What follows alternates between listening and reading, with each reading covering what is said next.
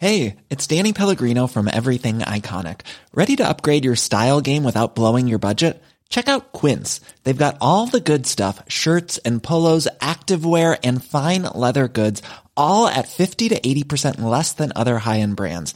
And the best part? They're all about safe, ethical, and responsible manufacturing. Get that luxury vibe without the luxury price tag. Hit up quince.com slash upgrade for free shipping and 365 day returns on your next order. That's quince.com slash upgrade.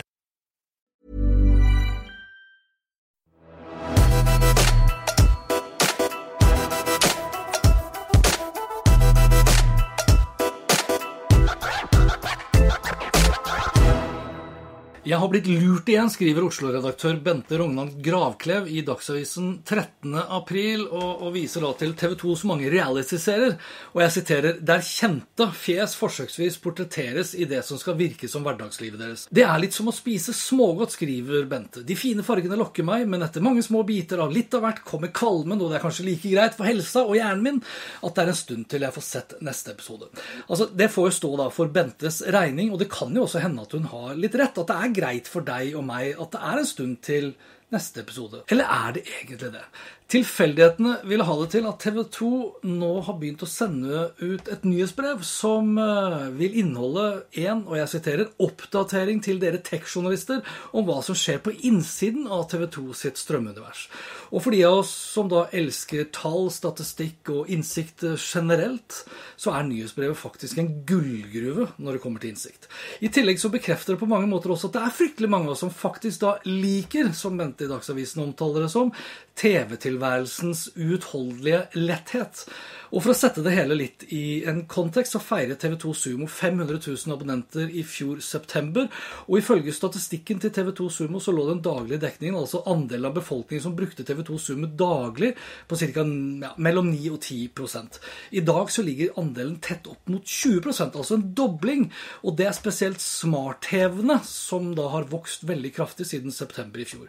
Og veksten har selvfølgelig også ført til all time high for TV2 Sumo, og her er det nettopp disse uutholdelige nydelige, lette TV-seriene som på mange måter drar mesteparten av veksten. Av TV2 Sumo sin 15 eh, mest sette serier gjennom tidene, så er ti av seriene reality-serier. Og kanskje ikke så overraskende så finner vi Kompani Lauritzen på førsteplass, da med sesong to, og på andreplass med sesong én, med henholdsvis 425 og 403 000 seere i snitt.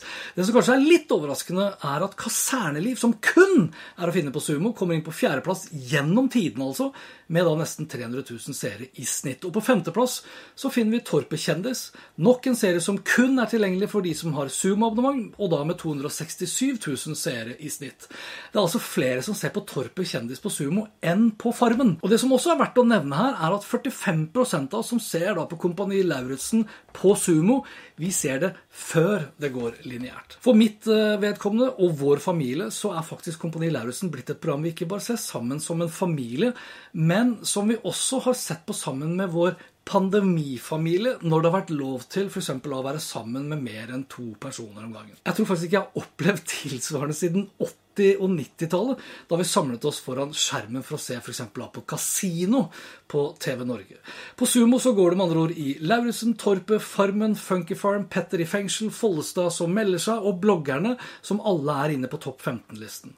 Strømmetoppen til TV2 Sumo for den siste uken viser også at det er de uutholdelige, lette CV-seriene som fenger oss, anført av nok en gang Kompani Lauritz med nesten 400 000 seere, Kaserneliv med 216 000, The Voice med ca. 140 000 og den nye serien til Märtha med 120 000 seere. Deretter kommer Sommerhytta på 5. til 8. plass med et sted mellom 100 og 120 000 seere. Den eneste serien som ikke er en reality-serie som er inne på topplisten for Ukens Myk, det er Bortført, som har blitt mer eller mindre slakta, og som kun kan vise til 64 000 seere basert på den første episoden. Bente i Dagsavisen skriver avslutningsvis i sin frustrasjon over disse uutholdelig lette TV-seriene at, og jeg siterer, vi er mange som lar oss lure gang på gang. Og det er god butikk for TV 2, men aller mest for kjendisene som får sin egen TV-serie. Jeg føler meg ikke lurt i det hele tatt når jeg ser på disse seriene, anført av våre A, B, C og nesten helt ukjente kjendiser. Og ikke tror jeg sumokundene generelt er såpass dumme at de lar seg lure uke etter uke heller. Jeg er derimot helt enig med Bente om at dette her er god butikk for TV 2 og for kjendisene. I tillegg er nok også kritikken til Bente god butikk for Dagsavisen. For fire dager etter at Bente publiserte sin frustrasjon på Dagsavisen, så er saken fortsatt da nummer to av de mest leste sakene hos Dagsavisen, og det betyr vel også litt annonsekling i kassa, og kanskje noen nye abonnenter også. Mens jeg venter på neste nyhetsbrev fra TV 2 som kan fortelle meg mer om hvordan strømmemarkedet utvikler seg, så skal jeg i mellomtiden i hvert fall kose meg med både Kompani Lauritzen, Kaserneliv, Märtha, The Voice, Sommerhytta og Toll, for å nevne noen. Og samtidig så skulle jeg ønske at det hadde vært flere episoder av Alle elsker David, og ikke minst Sofa. Vi strømmes, da!